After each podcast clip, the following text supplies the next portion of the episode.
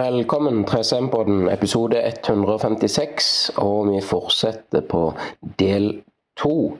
Men før det så kan jeg si avslutningsvis, eh, som det var sist gang, og lese et lite avsnitt av det jeg slutta med sist. Når de kjetterske vitenskapelige forståelsene overføres til hverdagens teknologi, rutinemessige aktiviteter og økonomiske strukturer, blir det imidlertid stadig vanskeligere å fortsette dette dobbeltspillet, og vi, eller etterkommerne våre, kommer antagelig til å trenge en helt ny pakke av religiøs tro og politiske institusjoner.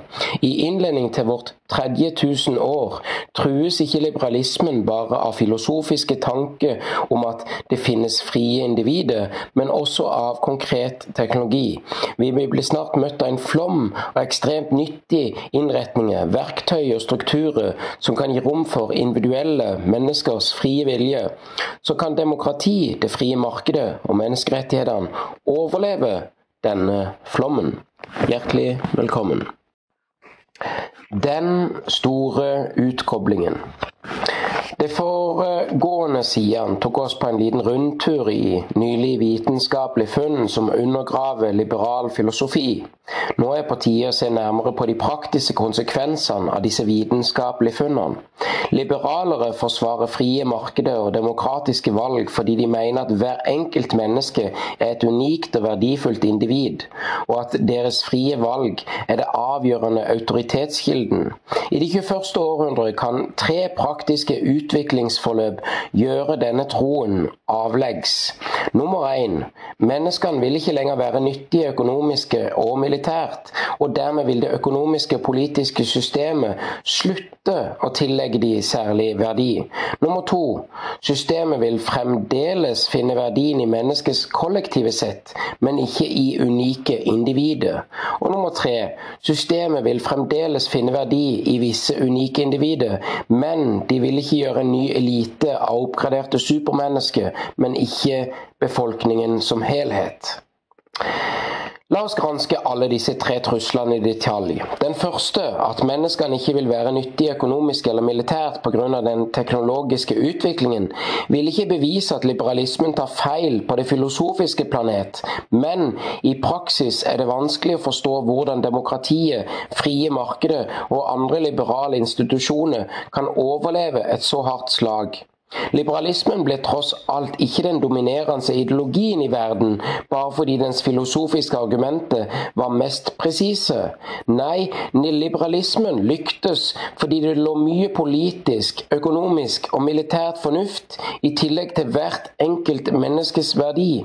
På den store slagmarken i moderne industrielle kriger og i masseproduksjonslinjene i moderne industriell økonomi telte hvert eneste menneske. Det lå en verdi verdi i hver hånd som kunne holde et gevær eller trekke i en spak. Våren 1973 sendte de europeiske kongehusene hærene sine for å kvele den franske revolusjonen i fødselen. Urostifterne i Paris reagerte med å erklære 'levé' en masse og utløse den første totale krig. Den 23. august vedtok nasjonalforsamlingen følgende, og jeg siterer Fra dette øyeblikk til fiende er drevet ut av nasjonens jord, er alle franskmenn tvangsutskrevet i hærens tjeneste. Unge menn skal kjempe, gifte menn skal smi våpen og transportere proviant. Kvinner skal lage telt og klær og arbeide på sykehus. Barna skal lage bandasjer av filler, og gamle menn skal begi seg ut på offentlig torg for å få opp motet til krigerne og snakke stygt om kongene og republikken. Dette vedtaket kaster et interessant lys over det mest berømte dokumentet fra den franske revolusjonen, erklæringen om menneskets og borgerens rettigheter, som erkjenner at alle borgere har lik verdi og like politiske rettigheter. Er dette tilfeldig at allmenne rettigheter ble vedtatt ved samme historiske korsvei som den allmenne verneplikten ble? spørsmålstegn. De lærde vil kanskje strides om den eksakte relasjonen mellom de to, men de to påfølgende hundre årene var en vanlig argument til forsvar for demokrati at det bare er bra å gi folk politiske rettigheter, for soldater og arbeidere i demokratiske land presterer bedre enn de gjør i et diktatur. Folks motivasjon og initiativ skal angivelig øke hvis de får politiske rettigheter, og det kommer til nytte både på slagmarken og i fabrikken.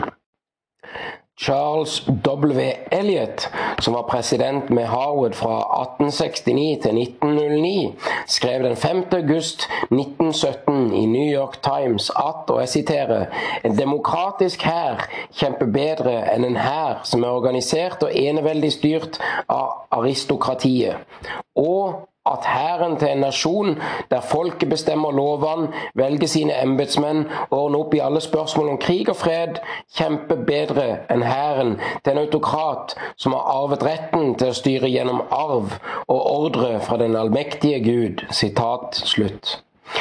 En lignende logisk begrunnelse lå bak det kvinner fikk stemmerett i kjølvannet av første verdenskrig, da landene innså hvilken viktig rolle kvinner spilte i industrien i en totalkrig, innså de behovet for å gi de politiske rettigheter i fredstid. I 1918 ble det derfor president Woodrow Wilson en støttespiller for suffragentene, og forklarte det amerikanske senatet at første verdenskrig og i, i gåsøyne siterer her, ikke kunne blitt utkjempet verken av de andre nasjonene eller av USA hvis det ikke hadde vært for kvinnenes innsats på alle felt, ikke bare der vi blir vant til å se dem arbeide, men overalt hvor menn har kjempet, og i utkanten av selve slaget. Hvis vi ikke gir kvinnene full stemmerett, kommer vi til å bli mistillit, og det med det rette. Sitat slutt. I det 21. århundre kan imidlertid de fleste menn og kvinner miste sin militære og økonomiske verdi. Den allmenne verneplikten fra de to verdenskrigene er borte. Det mest avanserte hæren i det 21. århundre tyr heller til høyteknologiske nyvinninger. Vi trenger ikke lenger ubegrensa med kanonføde, med mindre antall topptrente soldater, enda færre superkrigere til spesialstyrkene og en håndfull eksperter som vet hvordan de skal produsere og bruke avansert teknologi. Høyteknologiske styrker, i gåseøyne bemanna av pilotløse droner og datavirus, erstatter de enorme hærene fra 1900-tallet, og generalene delegerer stadig flere kritiske avgjørelser til algoritme. Bortsett fra at soldater av kjøtt og blod er Unnskyld. Bortsett fra at soldater kjøtt og blod er uberegnelige og ømfintlige for frykt, sult og utmattelse, tenker og beveger de seg i en stadig mer irrelevant tidsramme. Helt fra Nebukadnesars til Saddam Husseins tid ble krig utkjempa i en organisk tidsramme, til tross for at de mange teknologiske forbedringene som skjedde underveis. Diskusjonene varte i mange timer, slagene tok flere dager, og krigene kunne vare i flere år. Nettkrig derimot vil kanskje bare vare i noen minutter. Når en løytnant på nettvakt oppdager at det foregår noe urovekkende, ringer han sjefen, som igjen ringer Det hvite hus. Allerede før presidenten rekker å strekke etter den røde telefonen, er krigen tapt. Et tilstrekkelig avansert nettangrep kan sette den amerikanske strømforsyningen ut av spill, skape kaos i amerikanske luftfartssentre, forårsake utallige ulykker i atomkraftverk og kjemiske anlegg, forstyrre politiets, militærets og etterretningsvesenets kommunikasjonsnettverk i løpet av noen sekunder, og slette alle økonomiske dokumenter, slik at billiarder av dollar forsvinner sporløst og ingen vet hvem som eier de var. Det eneste som kan dempe den allmenne hysterie, er at folk ikke vil få vite om hva katastrofen faktisk er, siden internett, TV og radio ikke kommer til å virke. I mindre skala kan vi forstille oss at to droner kjemper mot hverandre i lufta. Den ene dronen kan ikke skyte uten å få et klarsignal fra menneskelig operatør i en eller annen bunker, og den andre dronen er helt selvgående. Hvilken tror du vil gå seirende ut av kampen? spørsmålstegn. Hvis et avfeldig EU sender dronene og cyborgene sine for å slå ned en ny fransk revolusjon i 2093, kan Paris-kommunen sette alle tilgjengelige hackere, datamaskiner og smarttelefoner i aktivitet. Men de vil ha liten bruk for mennesket, kanskje bortsett fra i egenskap om av menneskelig skjold. Det er talene de fleste borgere i mange asymmetriske konflikter allerede i dag må nøye seg med å tjene som menneskelig skjold for avanserte krigsmakter. Selv om du skulle være mer opptatt av rettferdighet enn seier, vil du antagelig velge å erstatte soldatene og pilotene dine med selvgående roboter og droner. Menneskelige soldater dreper, voldtar og plyndrer. Og selv når de prøver å oppføre seg, kommer de altfor ofte i skade for å drepe sivile. Datamaskiner programmerer med etiske algoritmer vil på langt enklere måte rette seg etter en internasjonal krigsrett, oppdaterte lover og regler. Også i økonomien er evnen til å holde en hammer eller trykke på en knapp blitt mindre verdifull enn før, noe som setter den viktigste alliansen mellom liberalismen og kapitalismen i fare. På 1900-tallet forklarte liberale at vi ikke er nødt til å velge mellom etikk og økonomi. Det var både moralsk nødvendig og nøkkelen til økonomi økonomisk vekst å beskytte menneskerettigheter og menneskets friheter. frihet. Storbritannia, Frankrike og USA hadde angivelig så stor framgang fordi liberaliserte økonomien og samfunnet. Og hvis Tyrkia, Brasil og Kina ønsker like stor framgang, måtte de gjøre det samme. I mange, om ikke altfor tilfelle, var det ikke de moralske, men snarere det økonomiske argumentet som overbeviste tyrannene og junta om at de burde liberalisere. Liberalismen vil få mye større problemer med å gjøre seg populær i det 21. århundre, vil det moralske argumentet i seg selv være nok til å beskytte menneskerettigheter og menneskers frihet, etter hvert som de store massene blir mindre viktige økonomisk? spørsmålstegn. Kommer eliten og myndighetene til å fortsette med å verdsette alle mennesker også når de ikke svarer det seg økonomisk? spørsmålstegn. Tidligere fantes det mye som bare mennesker kunne gjøre. Nå har robot og datamaskiner begynt å ta innpå, og snart vil de kanskje også overgå mennesket i de fleste oppgaver. Datamaskiner fungerer riktignok helt annerledes enn menneskes, men det er lite sannsynlig at datamaskinen vil begynne å ligne mennesket med det første. Foreløpig virker det f.eks. ikke som at datamaskiner vil få bevissthet og ha emosjoner og sanseopplevelser i løpet av de neste 50 årene, er det blitt gjort enorme framskritt i datamaskinens intelligens, men ingen framskritt i det hele tatt i datamaskinens bevissthet. Så vidt vi vet, er ikke datamaskinen i 2016 mer bevisst enn den første prototypen fra 1950-årene. En sjelsettende revolusjon er imidlertid på trappene. Menneskene står i fare for å miste sin verdi fordi intelligens blir atskilt fra bevissthet. Inntil i dag har høy intelligens alltid gått hånd i hånd med utvikla bevissthet. Det var bare bevisste vesener som kunne utføre oppgaver som krevde høy intelligens, som å spille sjakk, kjøre bil, diagnostisere sykdom eller identifisere terrorister. Nå har vi imidlertid i ferd med å utvikle nye former for ikke-bevisst intelligens, som kan utføre slike oppgaver på et langt bedre måte enn mennesker. Alle disse oppgavene er nemlig basert på mønstringsgjenkjennelse, og er ikke-bevisste algoritme vil antagelig snart kunne overgå den menneskelige bevisstheten i å gjenkjenne mønstre. Science fiction-filmer går vanligvis ut fra at datamaskiner må utvikle bevissthet hvis de skal kunne måle seg med og overgå menneskelig intelligens. Men ekte forskning sier noe annet.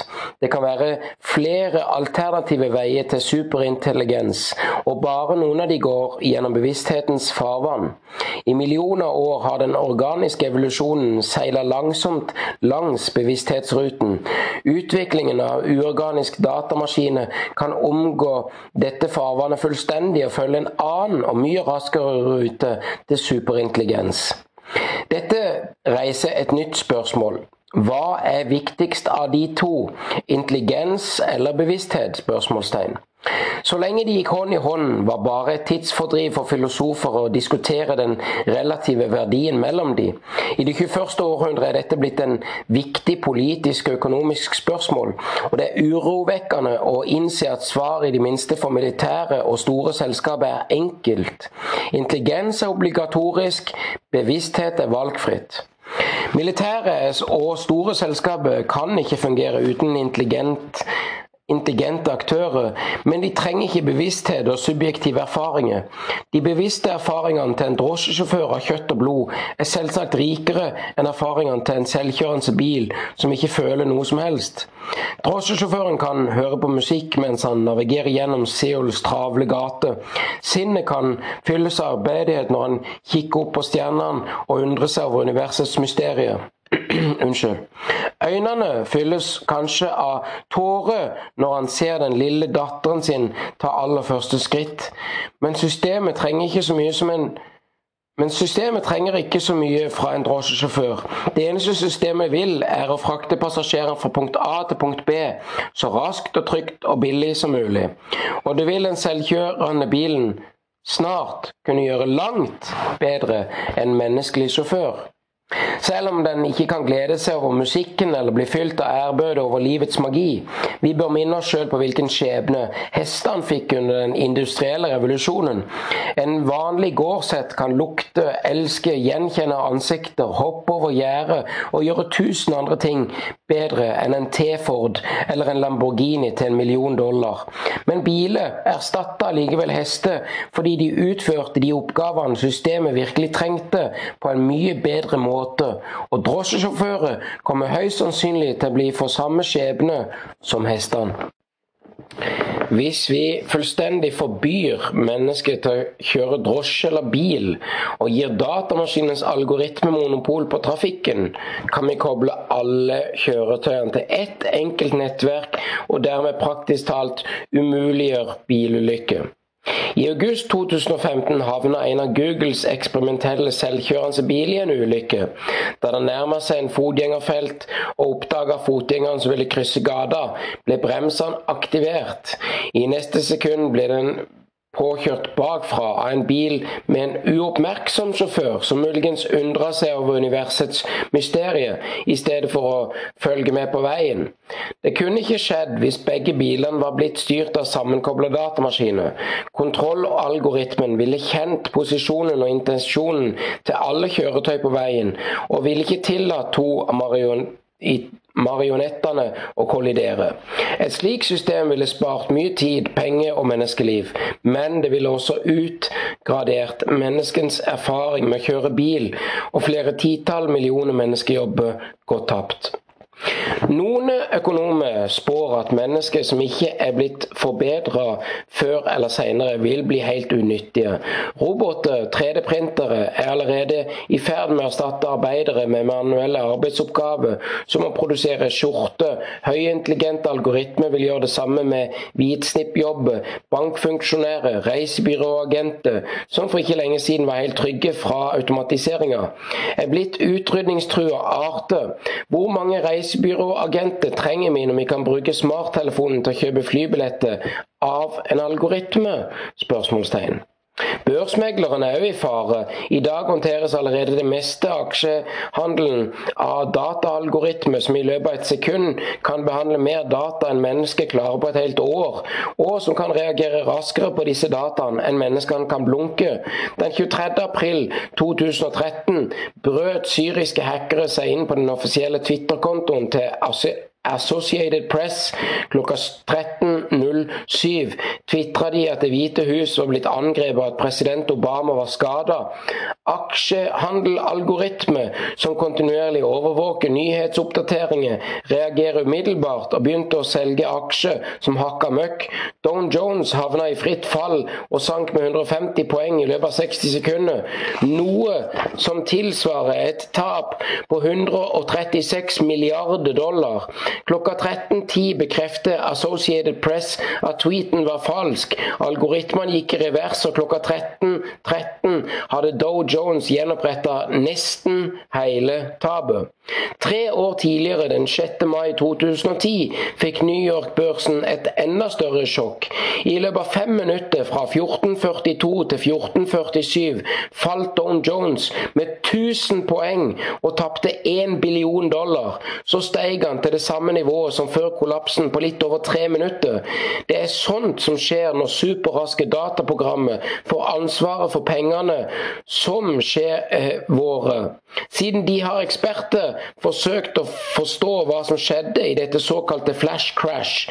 Vi vet det var algoritmens skyld, men det er fortsatt usikker på hva som gikk galt. Noen aksjemeglere i USA har allerede gått til søksmål mot algoritmehandel fordi de mener det er urettferdig og en diskriminering av mennesker som ikke er i stand til å reagere raskt nok til å konkurrere. Kjeklingen om hvorvidt dette faktisk er en krenkelse av rettigheter, kan skaffe advokat advokater mye arbeid og store honorarer. Disse advokatene vil ikke nødvendigvis være mennesker. Filmer og TV-serier gir inntrykk av at advokater tilbringer mesteparten av tiden sin i retten der de roper og jeg siterer 'protest' og holder flammende tale, men de fleste vanlige advokater sitter for det meste og går gjennom store mengder dokumenter, leter etter tilfeldige tilfeller som har skapt presedens, smutthull og små umulig relevante beviser. Noen er opptatt med å prøve å finne ut hva som faktisk skjedde den kvelden da Flash Crash Unnskyld.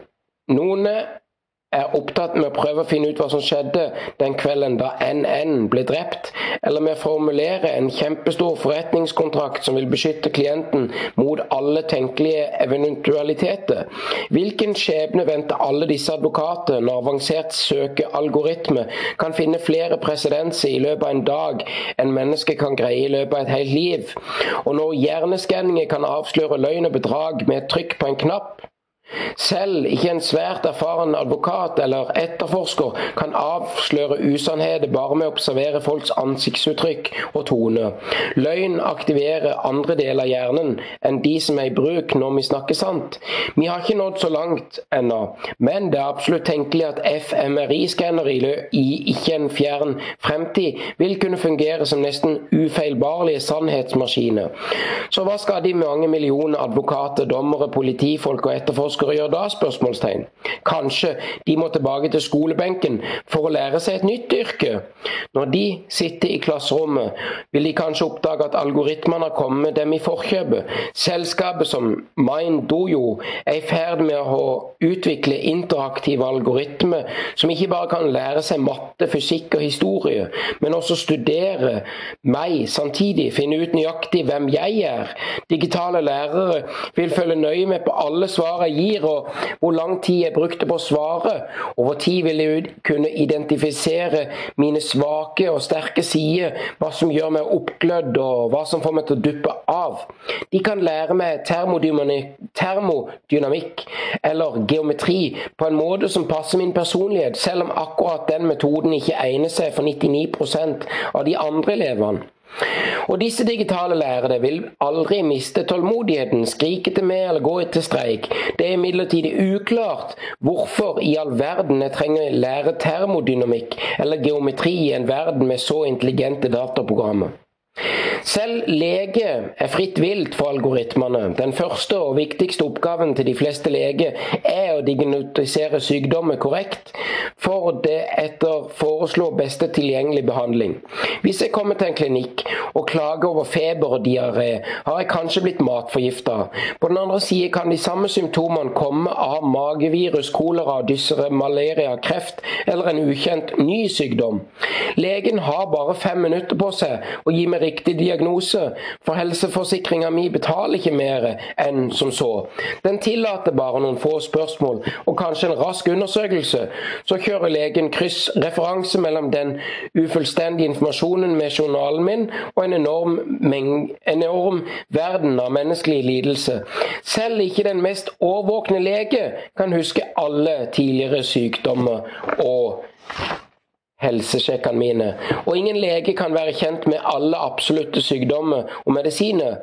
Eller lese alle nye artikler i medisinske tidsskrifter. Og på toppen av det hele kan legen være trøtt eller sulten eller syk, og det påvirker drømme, dømmekraften hans eller hennes. Det er ikke rart at leger ofte går feil diagnose eller anbefaler en behandling som ikke er helt optimal. Tenk på IBMs berømte Watson, en kunstig intelligenssystem som vant spørrekonkurransen Jeopardy på TV i 2011 og slo mennesket som hadde vunnet tidligere. Nå finpusses Watson med å gjøre mer seriøse arbeid, først og fremst å diagnotisere sykdommer. En KI, eller kunstig intelligens, som Watson, har store potensielle fordeler framfor menneskelige leger For det første så kan en KI lagre informasjonen om alle kjente sykdommer og medisin i historien i databanken sin. Den kan oppdatere databanken hver dag, og ikke bare med funn fra ny forskning, men også med medisinske statistikker henta fra alle klinikker og sykehus i hele verden. For det andre kan Watson få intim kjennskap til både hele mitt genom og medisinsk historie fra dag til dag, og genomene og de medisinske historiene til foreldrene, søsknene, søskenbarna, naboene og vennene mine. Watson vil umiddelbart vite om jeg har vært i en tropisk land i det siste, om jeg ofte har vondt i magen, om det har vært tilfeller av tarmkreft i familien, eller om folk over hele byen klager over diaré i dag. For det tredje kommer Watson aldri til å bli trøtt, sulten eller syk, og han vil ha all verdens tid til meg. Jeg kan sitte og slappe av i sofaen hjemme, svare på flere hundre spørsmål og fortelle Watson nøyaktig hvordan jeg føler meg. Dette er gode nyheter for de fleste pasienter, i parentes muligens med unntak av hypokondere, parentes slutt. Hvis du begynner å studere medisin i dag, og forventning om å være familielege om 20 år, bør du kanskje tenke deg om igjen. Med en slik Watson i aksjon er det ikke så stort behov for en Sherlock. Denne trusselen er ikke det bare allmennpraktikere som har hengende over seg, men ekspertene òg. Det, det, det kan faktisk vise seg å bli enklest å erstatte lege som spesialiserer seg på relativt smalt felt som kreftdiagnostikk. I en fersk eksperiment Uh, I en fersk eksperiment ga f.eks. en dataalgoritme riktig diagnose i 90% av tilfellene av lungekreft den fikk presentert, mens menneskelige lege bare ga korrekt diagnose i halvparten av tilfellene. Fremtiden er her faktisk allerede. CT-skanninger, mammografiundersøkelse blir rutinemessig sjekka av spesialiserte algoritmer som gir legene en i, så, i gåsøgne second opinion, og av og til oppdage svulster legene har oversett. En rekke vanskelige tekniske problemer hindrer fremdeles Watson og andre av samme slag i å erstatte de fleste leger allerede i morgen. Med disse tekniske problemene trenger bare å løse én gang, uansett hvor vanskelig de måtte være. Utdanningen av menneskelige leger er en komplisert og kostbar prosess som varer i mange år. Når prosessen er ferdig, etter ti år med studier og turnusjobbing får man bare én lege. Hvis man vil ha to leger, må man gjenta hele prosessen fra bunnen av. Og hvis og når vi løser de tekniske problemene som står i veien for Watson, får vi ikke bare én, men utallige leger som vil være tilgjengelig døgnet rundt i alle verdenshjørner. Selv om det skulle koste 100 milliarder dollar å få det til å fungere, vil det altså bli billigere på lang sikt enn å utdanne menneskelige leger.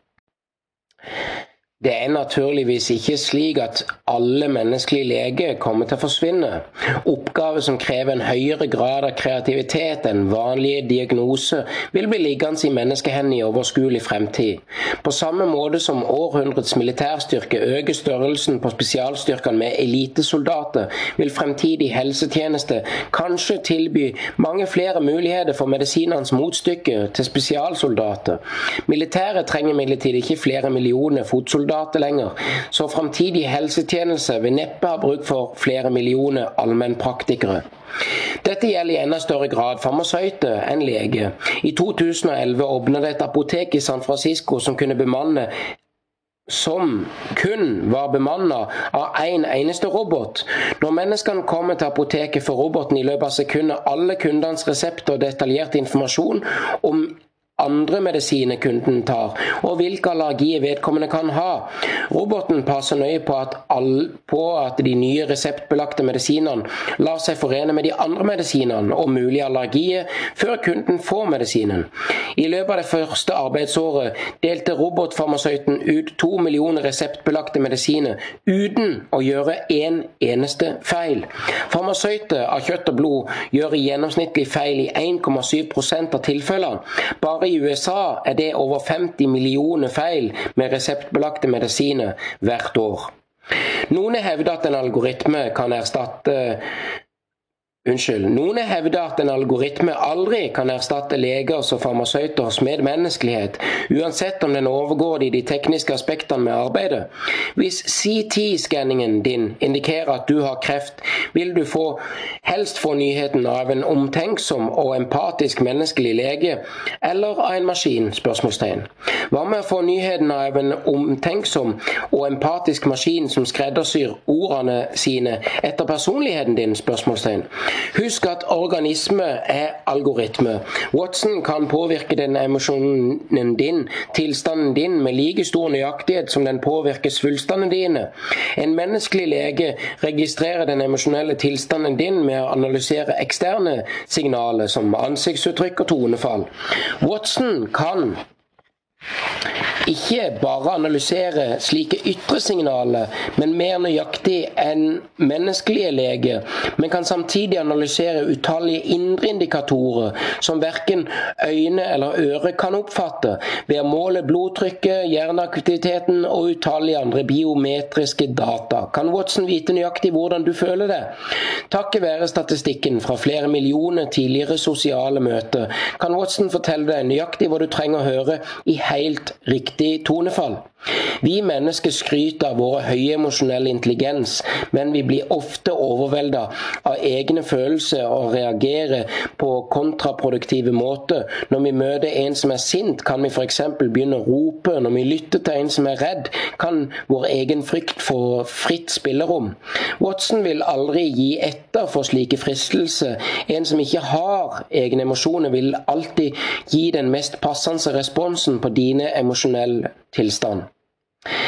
Denne ideen er allerede tatt i bruk av noen kundetjenesteavdelinger, som i Chicago-baserte Mattersite Corporation. Mattersite reklamerer for varene sine med følgende annonse, og jeg siterer Har du noen gang snakket med noen og følt at alt stemte? Spørsmålstegn. Denne magiske følelsen er et resultat av personlig kontakt. Mattersight skaper denne følelsen hver dag i telefonsentre over hele verden. Sitat slutt. Når du ringer kundetjenesten med et spørsmål eller en klage, tar det som regel noen sekunder å få dirigert samtalen din til en representant. I Mattersite-systemet blir samtalen din dirigert av en smart algoritme. Først forteller du hvorfor du ringer. Algoritmen lytter til anmodningen din, analyserer ordene du har valgt, og tonen i stemmen din, og utleder ikke bare den emosjonelle tilstanden din der og da, men også personlighetstypen din. Om du er introvert, ekstrovert, opprørsk eller ussel, uselvstendig. Basert på denne informasjonen setter algoritmen deg over til en av representantene som stemmer best med humøret og personligheten din. Og algoritmen vet om du trenger en empatisk person som vil lytte tålmodig til klagene dine, eller om du foretrekker nøktern, rasjonell type som vil gi deg den raskeste tekniske løsningen. En god match gir mer fornøyde kunder og mindre sløsing av tid og penger i kundesenteret. Ja, og avslutningsvis i dag så vil jeg gjerne lese fra en fantastisk bok som heter 10-12 Hjernen, det skjulte strevet til de små grå. Eh, og dele Du har det i hodet. Se deg i speilet. Hva ser du? Et menneske som du kjenner igjen som deg selv. Hvert våkent sekund er vi klar over at vi er i live, har en følelse av oss selv, og vet at det er fortid, en nåtid, en fremtid.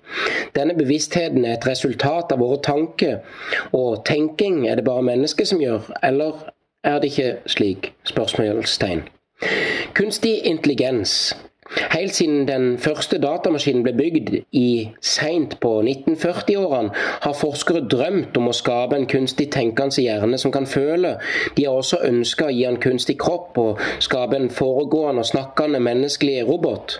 Virkeligheten i dag er at vi ganske visst har mange roboter, men de ser ikke akkurat ut som oss.